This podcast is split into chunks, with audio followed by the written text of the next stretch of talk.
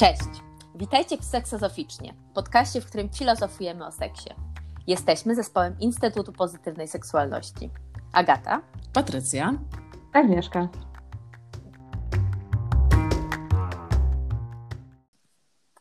witajcie w Seksozoficznie.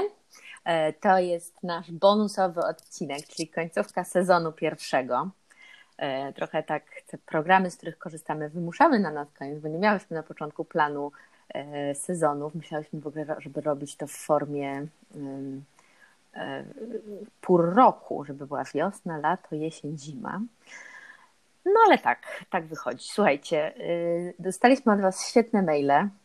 Jesteśmy w ogóle bardzo wzruszone i przede wszystkim tak się cieszymy, że słuchają nas tacy mądrzy ludzie Mm, i w ogóle tacy otwarci, żeby się też dzielić własnym doświadczeniem. Także e, super. I dziękujemy też za zgodę, żeby użyć kawałki, żebyśmy mogli podzielić się z resztą słuchaczów i słuchaczek e, tym doświadczeniem, które wyście nam wysłali. Ale tak, e, witamy w Seksozoficznie. Z tej strony Agata. Patrycja. Agnieszka. I tak, ym, jak Wam się czytało te maile? To może jeszcze kilka słów od Was? Mi bardzo się spodobało to, co powiedziałaś, Agata, czyli to wzruszenie, że y, rzeczywiście nie, to jest też takie otwierające z mojej perspektywy też dla mnie, nie? Właśnie jak duża jest różnorodność, jak, em, jak to seksozofowanie i filozofa, filozofowanie na temat seksu, e, jak rzeczywiście fajne kręgi może zataczać. e, I, I to jest chyba ten właśnie taki aspekt dla mnie taki otwierający też, e, jakby budujący, bo też pokazujący właśnie inne, różne, e, że to są te puzelki, które gdzieś dodatkowo się dokładają, układają, tworzą jakąś całość. E, Tylko, że w przeciwieństwie do klasycznych puzli to nie ma ram. I, I to jest chyba w tym wszystkim najpiękniejsze, że można każdy puzelek jakby dokładać, nie? I że to się nie kończy. Tu nie Mm. zaczynasz od ramki. Więc Rety, jakie to fajne. Strasznie fajnie mi się, bardzo mi się podoba ta metafora z puzzlami. Dla mnie jakoś niesamowicie to jest piękne ym, widzieć i, i cały czas dostawać więcej informacji o tym, jak dużo ludzie wiedzą o sobie, jak dużo my w ogóle wiemy o sobie, ile mamy w sobie już różnych rzeczy zrobionych, przemyślanych, bo gdzieś ym, wydaje mi się, że to, co to, co zostaje wypowiedziane, bardzo często jest tą, tą, tą częścią szklanki, która jest jeszcze niedopełniona. Nie? Chcemy czegoś więcej, chcemy się dowiedzieć, tu jeszcze mamy jakiś, jakiś brak, jakiś deficyt, a, a ja uwielbiam te historie, w których właśnie mogę na przykład posłuchać o tym, co ktoś już wie na swój temat i co ma dla niego sens, dla niej sens. I jak to działa. I to już wiem. I to mi działa. I to jest super. Ogromnie mi się to, to podoba, że możemy się wymieniać takimi historiami właśnie o tym wszystkim, co już mamy i co wiemy i co jest dobrze. Mm. No i właśnie, tutaj, słuchajcie, Martyna pisze do nas, że trafiłyśmy idealnie w jej ulubiony temat. E, Odwołuje się do odcinku Dotykowy spis treści. Pisze, że jest mega świrem, jeśli chodzi o dotyk i nawet znajomi śmieją się, że na równi ze słuchem to jej topowa wrażliwość sensoryczna. I w ogóle fajnie, że Martyna też zwraca uwagę na takie rzeczy jak e, nie tylko dotykanie się z ludźmi i, i to takie taką radość, którą, którą daje w ogóle bycie blisko i możliwość właśnie spontanicznego takiego dzielenia się dotykiem. Ale mm, tak, i mówi też o tym, że to, co jej w ogóle sprawia przyjemność i dodaje takiej pewności siebie przed wyjściem z domu, to jest właśnie cały taki rytuał i ceremoniał e, robienia make-upu, nakładanie na siebie balsamu, smarowanie się szczotką, znaczy roz, roz, nakładanie e, pędzlem różnego rodzaju kosmetyków. I mówi tak. I tak właśnie sobie uświadomiłam, że wycho- wychodząc na jakieś ważne wydarzenie, randkę, czy po prostu na poprawę humoru, oprócz strojenia się i make-upu, to właśnie e, taka ceremonia sprawia, że dostaję plus 15 do samopoczucia i pewności siebie. I chciałam się Was zapytać w ogóle, czy też tak macie? Czy macie jakieś swoje ceremonie nakładania rzeczy na siebie. E, ja tak sobie myślę, że e, w ogóle piękne jest to, bo jakby to jest właśnie to, co Agnieszka też powiedziałaś, nie? Czyli to jest właśnie ten plus, ta informacja, ta, ta kolejna kropelka wody w szklance, e, którą wiem też o sobie i i to jest trochę tak, jak też mówiłyśmy o tej liście, czyli jak jest mi źle, to mogę stworzyć jakąś listę, w której generalnie znajdą się jakieś pozycje, co ewentualnie mi pomaga. I trochę też takie przy okazji celebrowanie chyba takich właśnie małych, tych drobnych rzeczy, nie? Że to właśnie nakładanie, skupianie się też na tym, właśnie jaki jest mm. ten pędzel, jakie są jego odczucia, jakie są wrażenia, to czy potrzebuję właśnie teraz aktualnie tego delikatnego dotyku, czy jednak teraz wolałabym ten mocniejszy ucisk, czy cokolwiek jeszcze innego, to to tak na dobrą sprawę z każdej tej sytuacji, z każdego tego momentu można wyciągnąć jeszcze więcej. To trochę tak jak te ekstrakty, nie? Z, z, różnego rodzaju, nie wiem, roślin i innych takich, e, że coś jest bardzo mocno skoncentrowane. I jakby to jest właśnie to. Wszystko zależy od tego, e, czy chcę, żeby to rozmiękczyć i dodać wody, czy chcę właśnie ten koncentrat, tą kwintesencję, nawet jak będzie mnie skrzywiało, ale to jest właśnie to, czego teraz potrzebuję e, i to może jeszcze dorzucić właśnie te plus 15, 500 czy 100, czy jakakolwiek inna liczba by tu nie padła, ale to jest jeszcze właśnie to, co dodaje mi do tej sytuacji, nie? że jakby I'm in it, jakby jestem w tym i to jest właśnie trochę też ten mindfulness, ta uważność, ta samoświadomość i w ogóle świadomość tej sytuacji, że to trochę tak jak z tą seksualnością, nie? Jak o tym seksie w ogóle nie, nie myślę, bez względu na to, jaki by on nie był, to, to generalnie jakby być może gdzieś w jakimś stopniu trochę odkładam pewne rzeczy na inny plan. Wtedy pojawia się przestrzeń na to, żeby myśleć o zakupach, o tym, co jeszcze muszę uporządkować w mieszkaniu. A jak jestem w tym, to jestem w tym na 200% i czuję ten pędzel, czuję ten dotyk, czuję tą zmysłowość, czuję tą sensualność, ale czuję też właśnie drapanie i cokolwiek jeszcze by innego to nie było. Hmm. No, mi się jakoś tak. bardzo podoba ta perspektywa, dlatego że ona mi się składa z tym, mm, co gdzieś dla mnie jest ważne w takiej relacji z ciałem, czyli to, że to nie ma być kolejny wysiłek, że wiecie, żeby być pozytywną, pozytywnym wobec swojego ciała, trzeba się napracować, trzeba przeprocesować, trzeba znaleźć czas, trzeba myśleć, trzeba. Może niekoniecznie, może można znaleźć takie rzeczy, które już robimy w ciągu dnia, które mogą być tymi rzeczami, które nas gdzieś łączą ze swoją cielesnością. I po prostu zmiana y, swojego, jakby swojego podejścia, swojego, swojej uważności w czasie tego, co już robimy, sprawia, że nie trzeba koniecznie szukać jakichś kawałków w kalendarzu, wydzierać ze swojego planu dnia, żeby z tym ciałem się jakoś połączyć. Można, ale mm, takie właśnie małe momenty, wydaje mi się to super, że, że, że można znajdować takie momenty już w tym planie dnia, który mamy, które nam przypominają o, o przyjemności, o jakimś takim właśnie byciu w, w takiej uważnej relacji ze swoim ciałem. Ja mam taki bardzo minimalistyczny rytuał, mam mgiełkę do twarzy. I to jest najbardziej fantastyczna rzecz dla mnie, mgiełka. Żadne kremy, żadne właśnie jakieś kosmetyki i tak dalej nie robią mi do, tak dobrze, jak to, kiedy sobie biorę tę mgiełkę i tak sobie po prostu na całą twarz i tu na dekolt i wszędzie. Te, te takie jakieś, wiecie, takie te drobinki, takie kropelki, które tu osiadają na, na skórze, są takie strasznie fajne, jakąś wyjątkową radochę, przyjemność mi to sprawia. Także teoretycznie tam jest napisane z tyłu na opakowaniu, że dwa razy dziennie, rano i wieczorem, ale ja to trzymam przy łóżku i czasem jak jeszcze sobie czytam albo coś, to tak co jakiś czas biorę i ten, więc tak wychodzi mi pięć albo sześć razy dziennie. Mam nadzieję, że tego się nie da przedawkować, e, bo to jest po prostu fajne, też nieprzyjemne.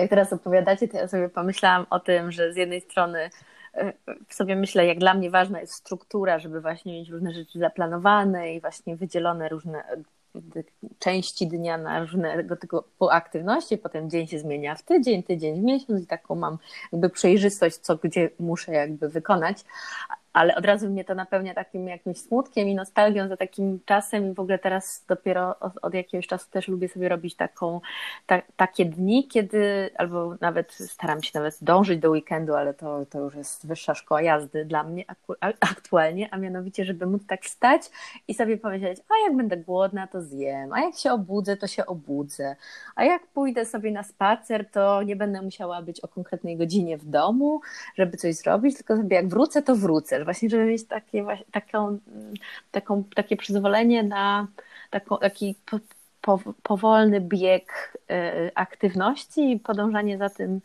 mm, co, co aktualnie mi ten dzień przyniesie. I to jakoś mi się tak kojarzy z jakąś taką beztroską, z jakąś taką formą mm, właśnie też dbania o siebie, no bo wtedy właśnie na przykład zaplanujesz sobie jedną rzecz, to właśnie też może to być zabieg, może to być jakiś trening, to może być jakieś, nie wiem, oglądanie e, filmu albo pójście do muzeum, ale właśnie, że to jakby nie jest tak, że jest to w jakimś szeregu innych aktywności. Tak sobie teraz, jak mówiłyście, to, to mi się z tym skojarzyło. Także super, Martyna, dziękujemy Ci bardzo. I to, co Martyna poleca, to książkę Martina Grunwalda Homo Hapticus, Dlaczego nie możemy żyć bez zmysłu dotyku, do, do wydawnictwo UJ. Ekstra. No i też w tym samym kontekście napisał do nas Krzysztof. I Krzysztof z kolei napisał, że być może sam nie chodzi do kosmetyczki, ale z kolei jego fryzjerka jest takim miejscem, które dostarcza mu niesamowitych doznań dotykowych. Grzebień, nożyczki, maszynka do golenia w jej dłoniach sprawiają, że nie tylko lepiej wyglądam. No i to po, teraz mówi coś, do czego chci, pewnie chciałobyśmy się oddać, od, oddać, odnieść, oddać. Um. Oddajmy się no temat, tak, tematowi. Tak. Mhm, mhm. Mm. Bo to, to, co teraz napisał, to jest dla mnie niesamowicie kontrowersyjne. Zaraz się też podzielę z tym doświadczeniem, ale sądzę, że przy odpowiednim nastawieniu nawet wizyta u dentystki nie musi być taka straszna. To chyba kwestia przekierowywania uwagi z bólu na to, co przyjemne w danym momencie. Właśnie, co wy macie? Co, co na dentystę? Myślę, że to jest tak. super. Super, żeby pomyśleć w ogóle o tych kategoriach, że dentysta jako wycieczka do, do Luna Parku. Czyli ja osobiście e, przyznam szczerze, trochę się utożsamiam z tymi słowami, bo e, e, ja miałam w życiu taki okres, kiedy rzeczywiście zasypianie, w ogóle zasypianie nie jest dla mnie jakimś wielkim problemem. Nie, nie, nigdy nie doświadczyłam, raczej nie doświadczam takich problemów z zasypianiem. I potrafiłam też jako małe dziecko zasypiać w naprawdę różnych miejscach, w różnych pozycjach. Idąc z rodzicami, potrafiłam zasnąć i przebierać nogami. E, I potrafiłam też zasnąć na fotelu dentystycznym. E, więc e, rzeczywiście tak. Natomiast to, co, z czego ja do chwili obecnej mam największą przyjemność, jeżeli chodzi o wizytę e, w gabinecie dentystycznym, to to, że ja siadam i wykonuję polecenia. To znaczy, oddaje się jakby w ręce drugiej osoby. To znaczy, ona wie, co zrobić, żeby zadbać na przykład o moje zęby i moje uzębienie. I jakby ja wykonuję tylko polecenia, nie? To, ja, to nie ja jestem tą osobą, która dyryguje, to nie ja jestem tą osobą, która zarządza, która wpisuje w grafik kolejne punkty właśnie i, i dopełnia tylko i wyłącznie, tylko okej, okay, to teraz proszę wypluć, to teraz proszę otworzyć szerzej. Więc jest w tym coś takiego... Y to, co ostatnio powiedziałaś i bardzo mi się to słowo Agata podoba, czyli trochę perwersyjnego na zasadzie oddaję kontrolę. Mm. Mhm. Tak, no w ogóle właśnie to jest ciekawe, że można by na to spojrzeć w sumie na takich dwóch płaszczyznach. Jedna to taka sensoryczna, dotykowa i czy na przykład to porowanie, jak, jak ci się po szczęce, głowie i ciele roznosi, to czy to jest dobre, czy to nie jest dobre i jak twój system nerwowy to odbiera i interpretuje te bodźce. Nawet kiedy nic nie boli, tak? Tylko właśnie kiedy są jakieś same takie, takie e, szybkie ruchy, jakieś wibracje i tak dalej to jest jedna rzecz, a druga to właśnie jakaś taka dynamika władzy. nie? władzy nad ciałem, któremu się mówi, co, masz, co, co ma robić. I, I teraz proszę, wykonujemy polecenia, dyscyplinujemy się. to jest bardzo ciekawe. No ja jestem z tych osób, które, których system nerwowy, te, te wibracje raczej nie są ulubione. Moje przestrzenie głowy i szczęki jakoś nie, nie bardzo. E, więc od jakiegoś czasu w większości przypadków z jakimś znieczuleniem zaczynam różne takie rzeczy poważne, więc w sumie trochę tak teraz sobie myślę, że, że wyłączyłam ten potencjał, nie? że po prostu odsunęłam od siebie sensorykę tego doświadczenia, stwierdziłam, ja tutaj nic nie będę czuć, proszę mi pozwolić nic nie czuć, ja to przeczekam. teraz sobie myślę, że to też jest takie ciekawe podejście. A macie tak, y, że spotykacie się z takim fetyszem? A właśnie dentysty, dentystki, ale właśnie taki medical, medical fetysz? E, w pracy zawodowej na pewno trochę tak, gdzieś właśnie na zasadzie e, myślę sobie, od razu mi przychodzi tutaj do głowy mm, to słynne, e, te słynne zabawy na przykład w lekarza lekarkę, doktora doktorkę, Właśnie, ale czy w dentysta dentystkę? Tego typu zabawa. Hmm. Hmm. No, no to też trzeba by było mieć przyrządzenia. Wystarczy, że może nagrać ten dźwięk, żeby mieć ciary na plecach. Ale jest coś takiego, nie wiem, dla mnie to, to jest trochę takie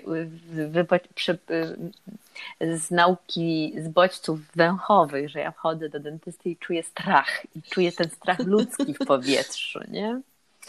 Myślę, że tak się może czuć zwierzątko, które wchodzi do weterynarza. Ale gdzieś na studiach seksuologicznych pamiętam, że słyszałam taką historię o eksperymencie, myślę, że to nie było badanie naukowe, tylko taki prywatny eksperyment, że właśnie dziewczyna miała znajomego dentysty i pytała się, czy, czy właśnie, bo masturbacja, orgazm, sprawianie sobie przyjemności poprzez autoerotyzm też jest środkiem anestezjologicznym, który właśnie niweluje ból. I właśnie słyszałam, że właśnie osob, że ta osoba wkładała wibrator między nogi, będąc u dentysty i skupiała się wtedy z całej siły na, na doznaniach płynących z łechtaczki i wówczas ta wizyta u dentysty w ogóle miała zupełnie inny charakter, więc w ogóle myślę, że to jest perwersyjne, ale bardzo mm. ciekawe, mm. bardzo jestem ciekawa, czy w ogóle jakby to pociągnąć dalej, czy może by z tego wyszła jakaś nowa metoda radzenia z ludzkim strachem. Hmm, takie dwa w jednym, nie? Przekierowanie uwagi, myślę, nie? Więc to też właśnie. Skup się na czymś innym. No nie bądź w głowie, bądź w innej części ciała. Coś w tym może być. No jeden z naszych słuchaczy napisał, że, że prosi o więcej perwersji, więc y, myślę, że tutaj jest takie miejsce na zapowiedź drugiego sezonu trochę, że, że będziemy więcej mówić o seksie, no bo zdałyśmy sobie sprawę, że tak gadamy o tym seksie, ale nie używając słowa seks, albo w ogóle schodząc gdzieś na jakieś dalekie dygresje. No i też jeden ze słuchaczy napisał na temat ym, tej regresji i tych wszystkich sytuacji, w których zachowujemy się jak dziecko i czy to w, długiej, w, długo, w długoterminowym yy, jakby wydaniu, czy to wpływa na to, że ludzie się rozstają, czy mogą zostać razem. No i zaproponował, że dla niego odejście na pół godziny i powrót do interakcji wydaje się najskuteczniejszą formą na wybrnięcie z sytuacji kryzysowej. Na pewno, na pewno na taki konkretny dany moment, a w kontekście relacyjnym, długofalowym ciężko ocenić, czy akurat to konkretne zachowanie jest błędne i czy to właśnie one z jakimś, jest jakimś poważnym powodem ewentualnego rozpadu czegoś większego. Ale też super stwierdza, że dywagacje dywagacjami, ale to wszystko jest przecież kwestią absolutnie indywidualną. To jest to słynne to zależy. ale też wiecie co, tak e, przy okazji tego, e, to trochę, e, ja mam chyba też w sobie gdzieś takie pytanie, które mi się teraz pojawiło, że też używając jakichś nazw właśnie chociażby tutaj zachowuję się jak dziecko, mam regres e, i tak dalej, i tak dalej, to w gruncie rzeczy jest dosyć mocno też e, w jakimś stopniu oceniające, tak z mojej perspektywy, nie? Bo e, czy to trochę to też nie jest tak, że będąc osobami dorosłymi, czy trochę czasami też nie narzucamy na siebie właśnie tego obowiązku zachowywania się jak dorosły, dorosła osoba, i to dziecko jest jakieś pozostawione gdzieś tam, a, a tymczasem to może być po prostu jedna z E, jeden z e, jakichś takich, jedna z naszych ekspresji, form zachowania. To ma dla mnie e, sens, co mówisz, Patrycja, bo kiedy zdarza mi się czasami przywoływać analizę transakcyjną i te trzy role dorosłego, dziecka, rodzica, to zwykle takie pierwsze pytanie, które się pojawia u osób, które to poznają, to co? To, to w tym dorosłym trzeba być, nie? że jakby teraz już mamy ten podział i ta jedna jest dobra, a te dwie pozostałe są niedobre i ten. I gdzieś jakieś takie wyrównanie wartościowości bycia w tych trzech rolach i że to jest kwestia tego, że po prostu sobie skaczemy, czasami się zachowujemy trochę bardziej tak, trochę bardziej tak i to wszystko są jakieś elementy jednego systemu. To jest takie, mm, wydaje mi się, często wartościowa perspektywa, żeby sobie wyrównać wartościowość tych wszystkich zachowań i po prostu umieć się gdzieś w tych różnych rolach znaleźć, pozwolić sobie na to. No. To też trochę o tym był nasz odcinek, nie? Y, y, ten bachorem po prostu pobądźmy czasem, tylko trzeba mieć jakiś kontekst do tego, jakieś obudowanie. No. I tu chyba w kontekście od razu perwersji e, też pojawia mi się właśnie taka myśl, nie? No właśnie, fantazje, age play e, i w ogóle jakby że to też może być właśnie wartość dodana na zasadzie, że to nie jest tylko i wyłącznie czasem powiedzmy taka mainstreamowa fantazja o byciu e, na przykład nastolatką albo nastoletnim e, chłopakiem, e, tylko właśnie czasami warto się tak powcielać w te role, bo może ta ekspresja seksualna pozwoli nam się trochę odnaleźć w tym naszym dziecku. Mhm. No bardzo kontrowersyjne, bo age play to jest zabawa wiekiem i bardzo często jakoś jest tak e, kontrowersyjnie mm. traktowany ten temat, że jak się bawimy, czyli jakby wchodzimy w rolę dziecka, to nie chodzi nam o to, żeby być tym dzieckiem, tylko żeby się nim poczuć i, i nie jest to tym takim e, w prostym, w prostym skojarzeniu właśnie wchodzenie w rolę, w rolę przemocy, czy właśnie pytania, czy dziecko ma koncert, no bo mówimy o, o, dorosłych ludziach, którzy się tym wiekiem zabawiają i to też może nie iść tylko w stronę dolną, dolnej granicy wieku, kiedy na przykład wchodzimy w rolę niemowlęce albo wchodzimy w rolę nastoletnie, mm, tylko właśnie też w, w drugą stronę, a mianowicie kiedy wchodzimy w rolę osób starszych, nie? kiedy się jakby tak mentalnie czujemy dziadkami, albo się czujemy istotą dojrzałą w świecie wieku, a sami jeszcze nie jesteśmy w tym wieku, albo się jeszcze tam nie czujemy. No. Mm, tak. Słuchajcie, dziękujemy wam, dziękujemy wam, naszym słuchaczom i słuchaczkom za, yy, za chęć podzielenia się waszymi przemyśleniami, za robótki domowe, Świetna sprawa. Strasznie nas to jara, że możemy to poczytać, że nas wpuszczacie do tego swojego wewnętrznego świata. Tak. I tak. I piszcie do nas, piszcie do nas, jak Wam się podobał pierwszy sezon, piszcie o czym jeszcze nie było, o czym chcecie usłyszeć. Bardzo jesteśmy ciekawe i, i będziemy się inspirować tym, czym, o czym będziecie nam dawać znać. A tymczasem śledźcie nasze social media. Jesteśmy na Facebookach, Instagramach, jesteśmy na Ankorze i Spotify'u. Już niebawem czeka nas e, sezon drugi, gdzie będzie więcej seksu. Yeah. Pa. E. Do zobaczenia. Cześć.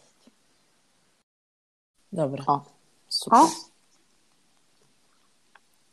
mam inaczej ze sławkami, bo was mega dobrze słyszę. Ja też mam tak, że mam takie. Musiałam ściszyć. Dobrze słychać? Bardzo. Okej. Okay. No słuchajcie, mamy w ogóle już 124 odsłuchania pierwszego tak. odcinka. A kto dzisiaj koordynuje to? Patrycja. Ja. No dobra, to zaczynamy. Poczekaj, po, jeszcze zacznijmy może o pełnej minucie, tam jakiś czas. Czy wyłączy dźwięk? Dobra. Mhm. Czy mam od razu już zaczynać? Mhm. No. Macie włączone w telefonach dźwięki? Tak. tak. Cześć dziewczyny. E, kolejny odcinek, e, kolejny temat. E, na dzisiaj mamy taki temat. Hmm, no zobaczymy, co, co z tego wyjdzie. Gotowość na zmianę. Mm, gotowość na zmianę w życiu seksualnym, gotowość na zmianę w ogóle w seksie, gotowość na zmianę w mówieniu i w podejściu w ogóle do seksualności. Chyba zaczęłam rozważać coraz większy zakres tematyczny.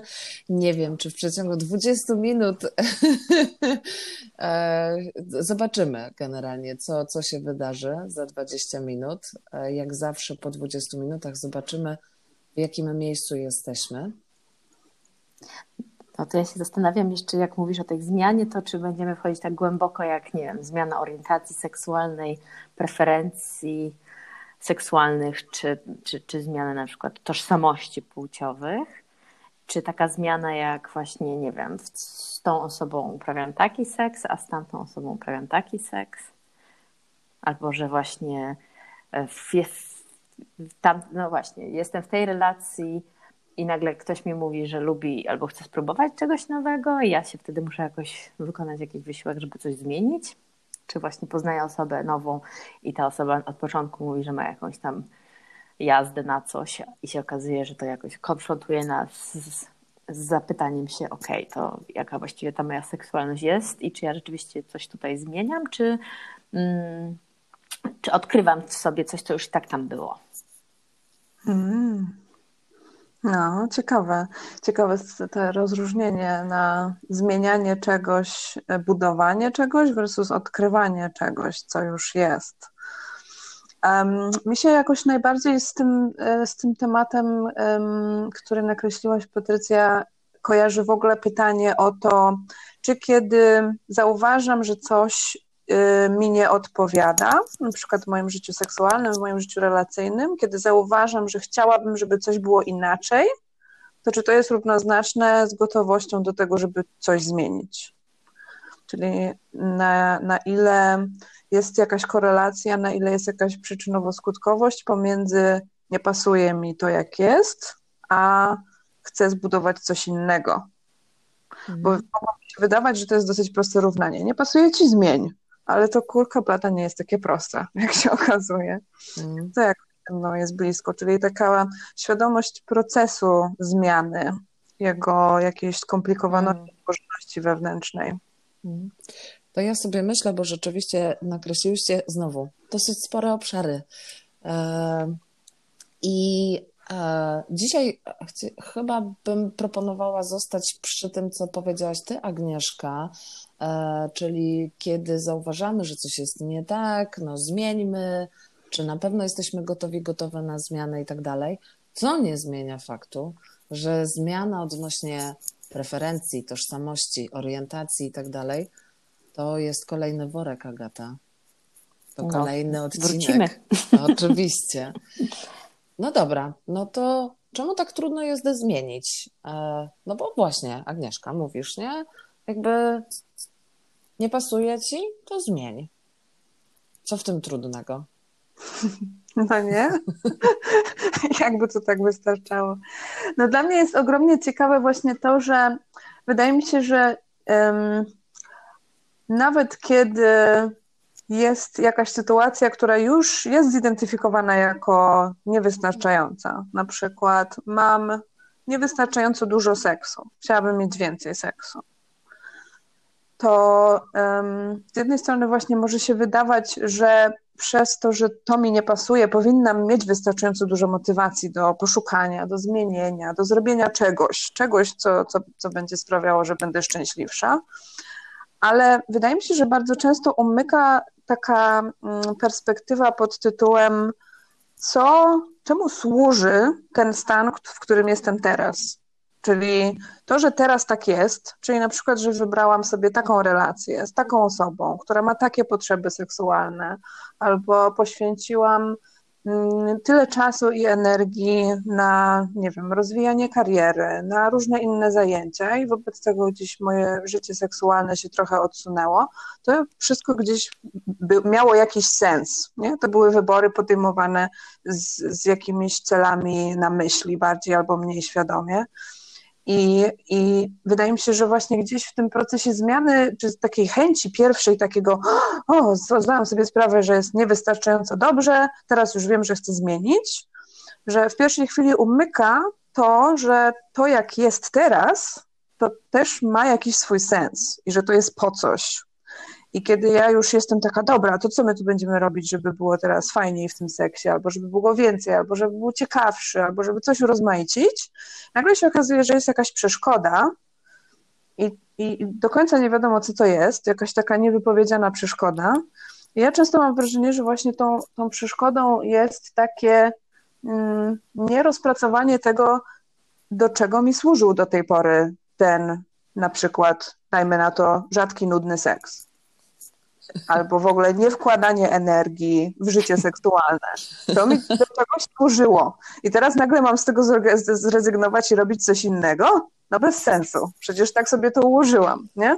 Nie wiem, wiecie o co mi chodzi? Co, co próbuję przekazać? No, wydaje mi się, że tak I, i jakoś rezonuje to bardzo z moim doświadczeniem. Tylko myślę sobie, że ten poziom świadomości, że ja wiem, do czego, dlaczego na przykład mam nudny seks albo kiepski seks, albo dlaczego na seks nie, przy, nie przywiązuję tyle wagi do seksu, to że tutaj ten poziom świadomości myślę, że zaczyna on być dopiero odkrywany w momencie, kiedy zaczynamy to kwestionować. Właśnie pojawia nam się taka myśl, a miało być inaczej, albo widzę w filmie, rozmawiam z koleżankami kolegami, słyszę, że oni mają jakoś inaczej, sobie myślę, okej, okay, to może coś z moim jakoś tutaj, właściwie jak to się stało, kiedyś byłam inną osobą, a teraz nagle jest tak, a nie inaczej. Że tutaj myślę, że bardzo często potrzebny jest jakiś taki bodziec wyzwalający, który tym poruszy. I jak już to się dzieje, to jest super, i takie osoby na przykład trafiają do gabinetu, czy na terapię, czy na coaching, czy na jakieś warsztaty rozwojowe, to ja mam takie doświadczenie, że te osoby bardzo często potrafią, tak jak mówisz, dokładnie opisać, nie? to z, takim, z, zewaluować, czy też zdiagnozować siebie dosłownie, nawet do tego stopnia, że mają przeczytane różne rzeczy w internetach, które jakby dają dokładną dokładny scenariusz rozwiązania tego, co można w cudzysłowie nazwać problemem. Nie? Tym mówię w cudzysłowie, bo to jest większego lub mniejszego kalibru, zaczyna to być po prostu kwestia, którą się osoba chce zająć. No i, i te osoby bardzo wiedzą, z czego chcą, wiedzą, jak to zrobić, wiedzą dokładnie, jak chcą, żeby był efekt końcowy. No ale jak to zrobić, nie? Że to zaczyna się nagle to jest trochę tak jak ze zdawaniem matury, że wiesz, że przez 4 lata, czy tam już teraz 3 lata się chodzi na zajęcia specjalnie przygotowujące do jakiegoś egzaminu, w którym wiesz dokładnie, jakie lektury masz przeczytać, jakie masz zrobić zadania.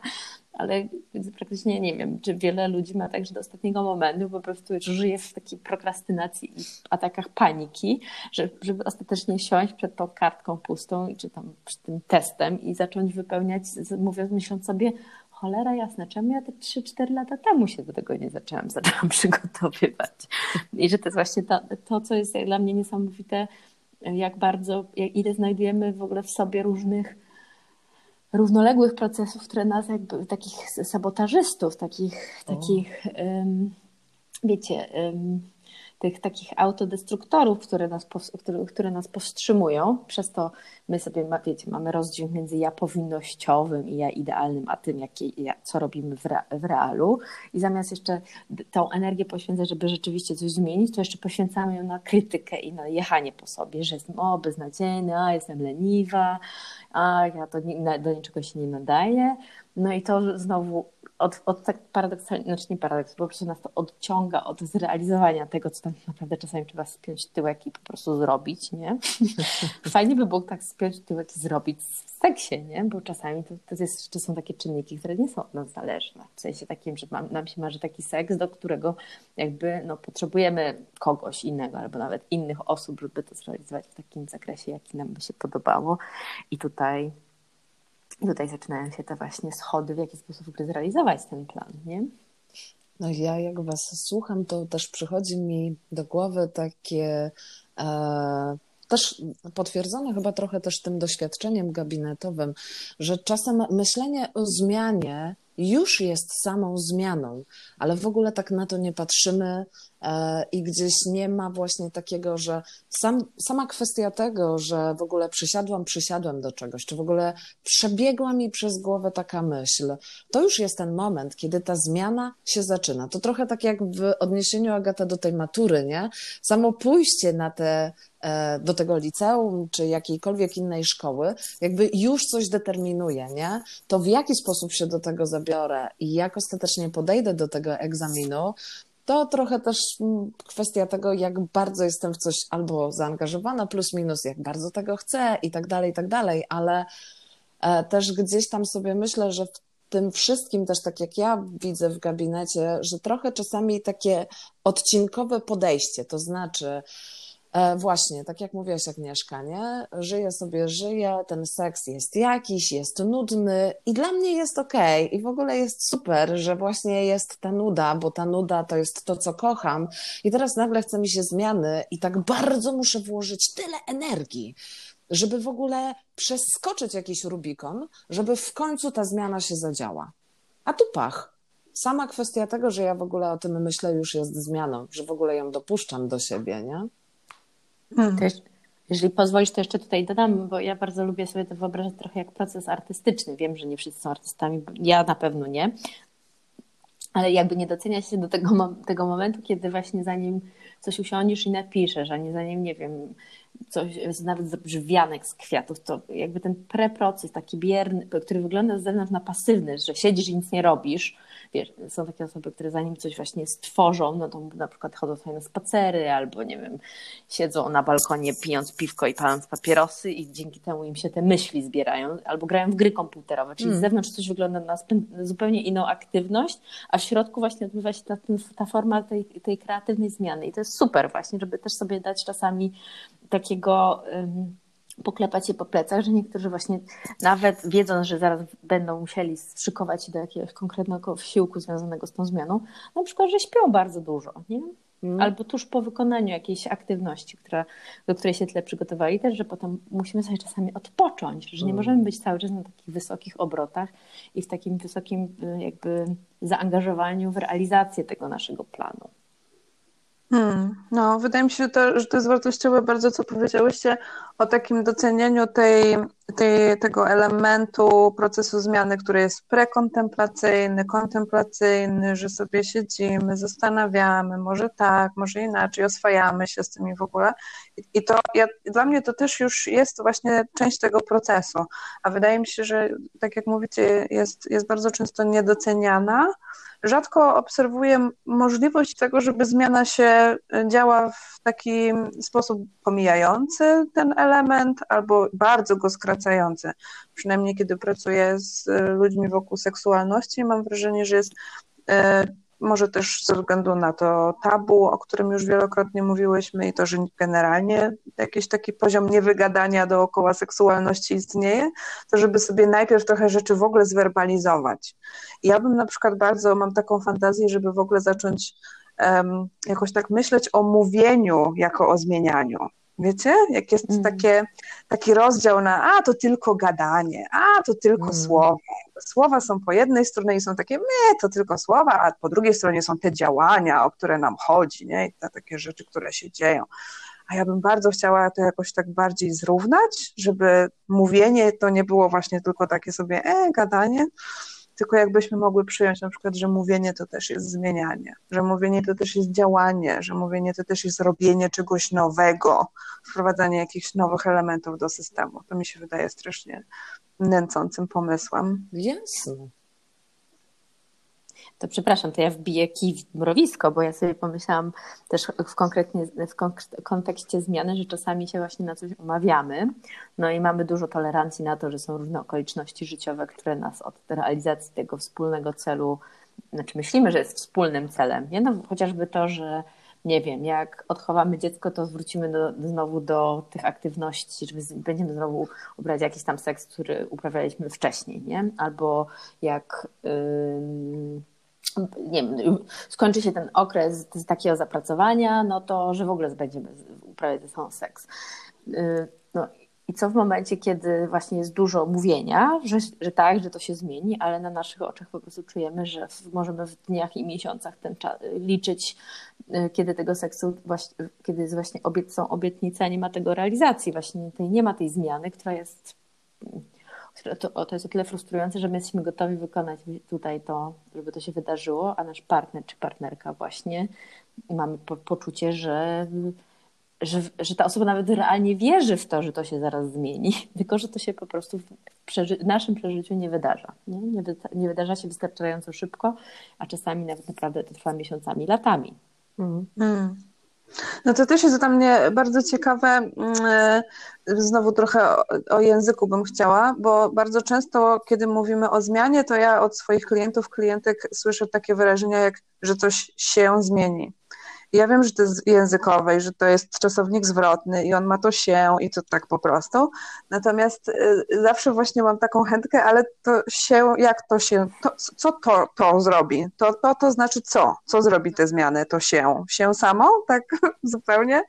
I to jest dla mnie bardzo ciekawe, kiedy wydaje mi się, że czasami obserwuję e, osoby, z którymi pracuję, które przechodzą przez jakiś językowy proces mówienia o tym, że to się zmieni za jakiś czas, kiedy będziemy mieć więcej czasu, albo no to się zadzieje tak, że to się na pewno wyciszy i wtedy będziemy mieć więcej czasu dla siebie.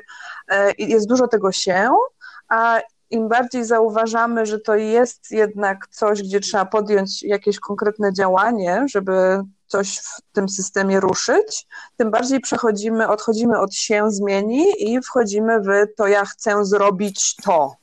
Nie? Albo ja zrobię to i nagle to się zaczyna tak trochę u, u, wychodzić i gdzieś bardziej w, tle się tylko pojawia, a, a jakieś czasowniki się stoją bardziej sprawcze. To mnie jakoś strasznie cieszy z takiego językowego punktu widzenia, kiedy możemy zauważyć ten moment, w którym nie mamy już ochoty, żeby dłużej czekać na to się i zaczynamy widzieć, że potrzebujemy przejąć tę sprawczość nad tym procesem zmiany. Mm. Tak sobie ja też mam takie, że trochę e, w tym, co mówicie, gdzieś słyszę dużo warunkowania. Nie? I też mam taki, e, że czasami właśnie jak e, osoby przychodzą do gabinetu, to że to jest właśnie takie warunkujące. Jeżeli dzieci będą miały tyle lat, to wtedy dopiero, jeżeli zmienimy mieszkanie, jeżeli kupimy te zabawki, jeżeli coś tam. I tak sobie czasem e, myślę i też się zastanawiam, ja trochę może też e, wbiję drugi kij w mrowisko, e, mianowicie, czy to trochę nie jest tak, że my poprzez to warunkowanie właśnie o tym bardziej oddalamy tą, tą zmianę, oddalamy w ogóle chęć włożenia tej energii w tą zmianę, nie? Bo to jest trochę tak jak z tym słynnym, bo kiedyś było inaczej. Na początku naszego związku uprawialiśmy tyle seksu, a teraz wszystko się zmieniło i w ogóle jest inaczej i chcę, żeby wróciło i tak dalej, i tak dalej. To trochę o tym. Hmm. No to w ogóle jakoś mi się też wydaje pomocne takie rozróżnienie na warunki do seksu konieczne mm. i warunki do seksu idealne nie? Bo tych idealnych jesteśmy w stanie wymyślić sporo i jakby możemy iść w tym kierunku oczywiście, no ale jeżeli idealnym warunkiem do seksu jest posiadanie przestrzeni domowej, w których nie ma dzieci, a dzieci mają lat 4, a nie 18, to niestety jeszcze trzeba trochę poczekać. No i teraz pytanie, czy chcemy czekać na te mhm. idealne warunki, czy chcemy się skupić na tych, które są konieczne i wobec tego sprawdźmy, co to jest to minimum, tak. którego potrzebujemy.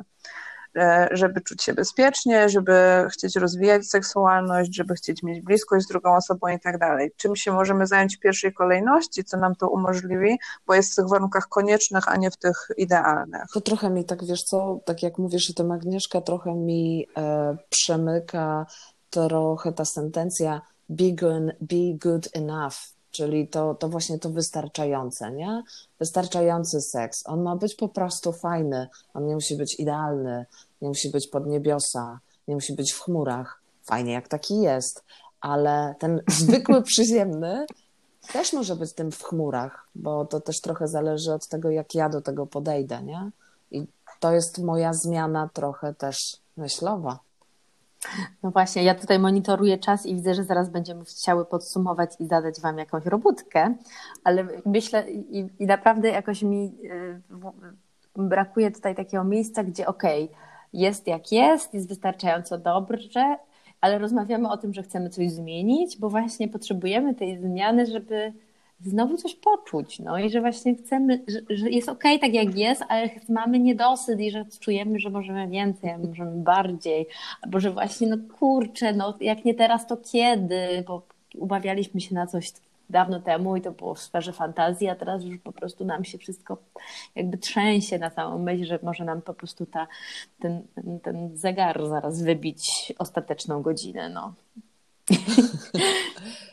Ja, ja z tym kończę, właśnie z takim poczuciem, że, że jak to zmienić w momencie, kiedy, mm, jak, jak wykonać tą zmianę w obliczu chociażby tego, że już o tym rozmawiałyśmy, jeżeli nam się kinki rozjeżdżają, nie? albo rozjeżdżają nam się preferencje zupełnie jakoś. A kochamy siebie, chcemy być ze sobą, nie chcemy jakby zmieniać partnera czy partnerki, żeby mu coś tam robić. Hmm. Albo wiemy, hmm. że partner czy partnerka jest w stanie pewne rzeczy robić, bo kiedyś potrafił, potrafiła, a teraz na przykład już jest inaczej, nie? No. To ja się postaram krótko do tego odnieść, ale to, co mi się teraz skojarzyło, Agata, to wydaje mi się, że to jest trochę takie, potrzebujemy, żeby ten proces zmiany się zadział w miarę intensywnie, w miarę szybko. Czyli już może było tego czekania, już było tego gadania, teraz potrzebujemy szybko. I wydaje mi się, że wtedy kluczową kwestią jest znalezienie na to czasu ale tak w sensie, tak w ciągu tygodnia, nie? Że nie, nie, że na godzinę przyjdziemy do pani Agnieszki, pani Agaty albo pani Patrycji i porozmawiamy przez godzinę w tygodniu o tych sprawach, tylko kurka blada dziennie dwie godziny albo trzy razy w tygodniu cztery. I, I jeżeli chcemy, żeby zmiana się działa szybko i intensywnie, no to znaczy, że trzeba sobie dać wystarczająco dużo czasu na to po prostu, żeby to się przekontemplowało, żeby się zastanowić, żeby zaplanować i tak dalej, żeby się jeszcze cofnąć o krok, bo to też y, standardowy element zmieniania się, że coś nam się ustecznia i tak dalej. I, i to chyba mi się teraz tak jakoś wybija na pierwszy plan, priorytet czasowy w gruncie rzeczy w tym całym mm. procesie zmieniania, by alokować czas na tę zmianę. A ja chyba zostaję z czymś takim e, i trochę też mi się tak e, e, chodzi mi po głowie, że być może to też jest dobra, dobre ćwiczenie na to, na naszą robótkę domową.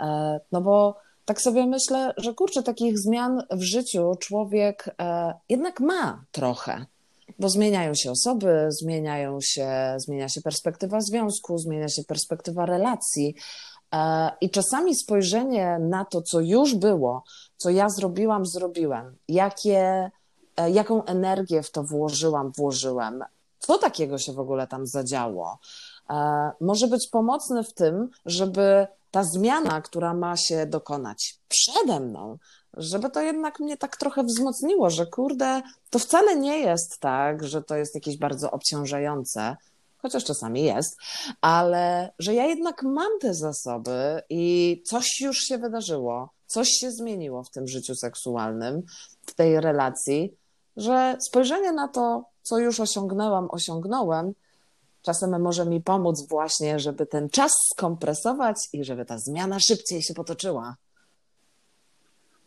Mm. To jaka robótka domowa? Zastanowienie się nad swoimi już zrobionymi zmianami seksualno-relacyjnymi. Mhm. Super, mi się bardzo podoba. To co? Do następnego. Pozdrawiamy serdecznie. I zapraszamy do, do następnego i zapraszamy, zachęcamy do pisania na seksozoficznie małpa gmail.com.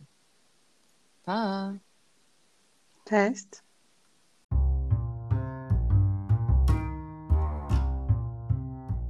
Cześć. Witajcie w Seksozoficznie, podcaście, w którym filozofujemy o seksie. Jesteśmy zespołem Instytutu Pozytywnej Seksualności. Agata. Patrycja. Agnieszka.